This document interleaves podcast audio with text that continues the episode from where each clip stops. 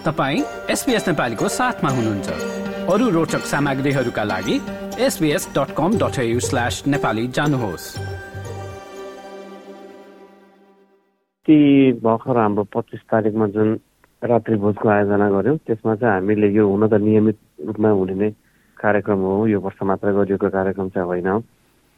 यसमा चाहिँ हामीले के गराउँछौँ भन्दाखेरि विद्यार्थीहरूले वर्षभरि सिकेको विभिन्न किसिमको भाषा कलाहरू प्रस्तुत गर्छन्। जस्तो उदाहरणको लागि नाच गान हुन्छ त्यसपछि अब गीत गाउनेहरू मादल बजाउने कार्यक्रमहरू पनि भयो। अनि त्यसपछि कविता वाचन यस्तो चिजहरू चाहिँ नाटक पनि प्रस्तुत भयो। यस्तो चिजहरू चाहिँ हामीले यो रात्रि भोजको दिनमा राख्ने गर्दछौँ।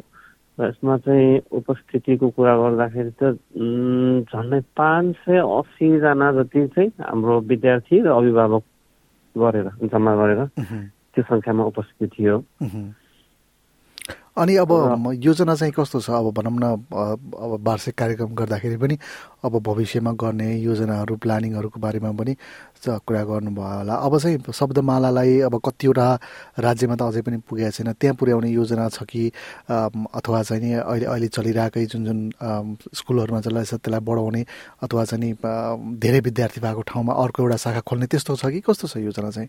यो कुरामा चाहिँ कस्तो छ भने अब अहिले हाम्रो पहिलो सोचाइ चाहिँ यसलाई थप्ने भन्दाखेरि पनि अब अहिले हाम्रो पाठ्यक्रमहरूलाई कुन किसिमले चाहिँ अझ सुधार गर्ने बच्चाको पढाइको गुणस्तरलाई कसरी बढाउने भन्ने कुरा चाहिँ हाम्रो पहिलो प्राथमिकतामा छ अब शाखाको कुरामा चाहिँ अब हामीले अब यो कुनै व्यापार पनि भएन त्यसले गर्दाखेरि चाहिँ हामीले अब यहाँ थप्ने यहाँ थप्ने भनेर हामी त्यो सक्रिय रूपले त्यसरी चाहिँ हिँड्दैनौँ तर तर त्यसको मतलब यो होइन कि हामी अब शाखा विस्तारै गर्दैनौँ भन्ने पनि होइन। शाखा विस्तार चाहिँ कुन अवस्थामा हुनसक्छ भन्दाखेरि यदि कतै अभिभावकहरूलाई चाहिँ हाम्रो यो ठाउँमा चाहिँ कुनै पनि शाखाहरू नजिक छैन हामी टाढा छौँ र हामीलाई साँच्चीकै आवश्यकता छ हामीले आवश्यकता महसुस गरेको छौँ।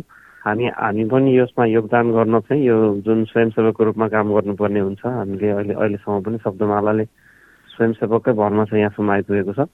र नयाँ ठाउँबाट पनि त्यसरी हामी तयार छौँ भनेर सबै सबै दृष्टिकोणले उहाँहरू तयार हुनुभयो भनेदेखि त्यसमा हामी छलफल गर्न सक्छौँ। त्यस्तो छ अब हामीले दुई वर्ष अगाडिदेखि चाहिँ केही रूपमा चाहिँ यसलाई परिवर्तन गरायौँ। जस्तो तपाईँलाई मैले उदाहरण दिनु पर्दाखेरि पढाउने विषय चाहिँ के राख्ने त भन्ने कुरामा हाम्रो निकै ठुलो छलफल भएपछि हामीले अब घर व्यवहारमा बढी प्रयोग हुने शब्दहरू सिकाउनुपर्छ हामीले भन्ने कुरा हामीलाई लाग्यो। सबैभन्दा मुख्य कुरा हामीले के पायौँ भने हाम्रो यहाँको लागि आवश्यकता पहिलो आवश्यकता के हो भन्दाखेरि नेपालबाट हजुरबा हजुरबा आमाहरू आउनुहुन्छ भने उहाँहरूसँग चाहिँ यहाँ भएको बालबालिकाहरूले कुराकानी गर्न सक्नुपर्छ।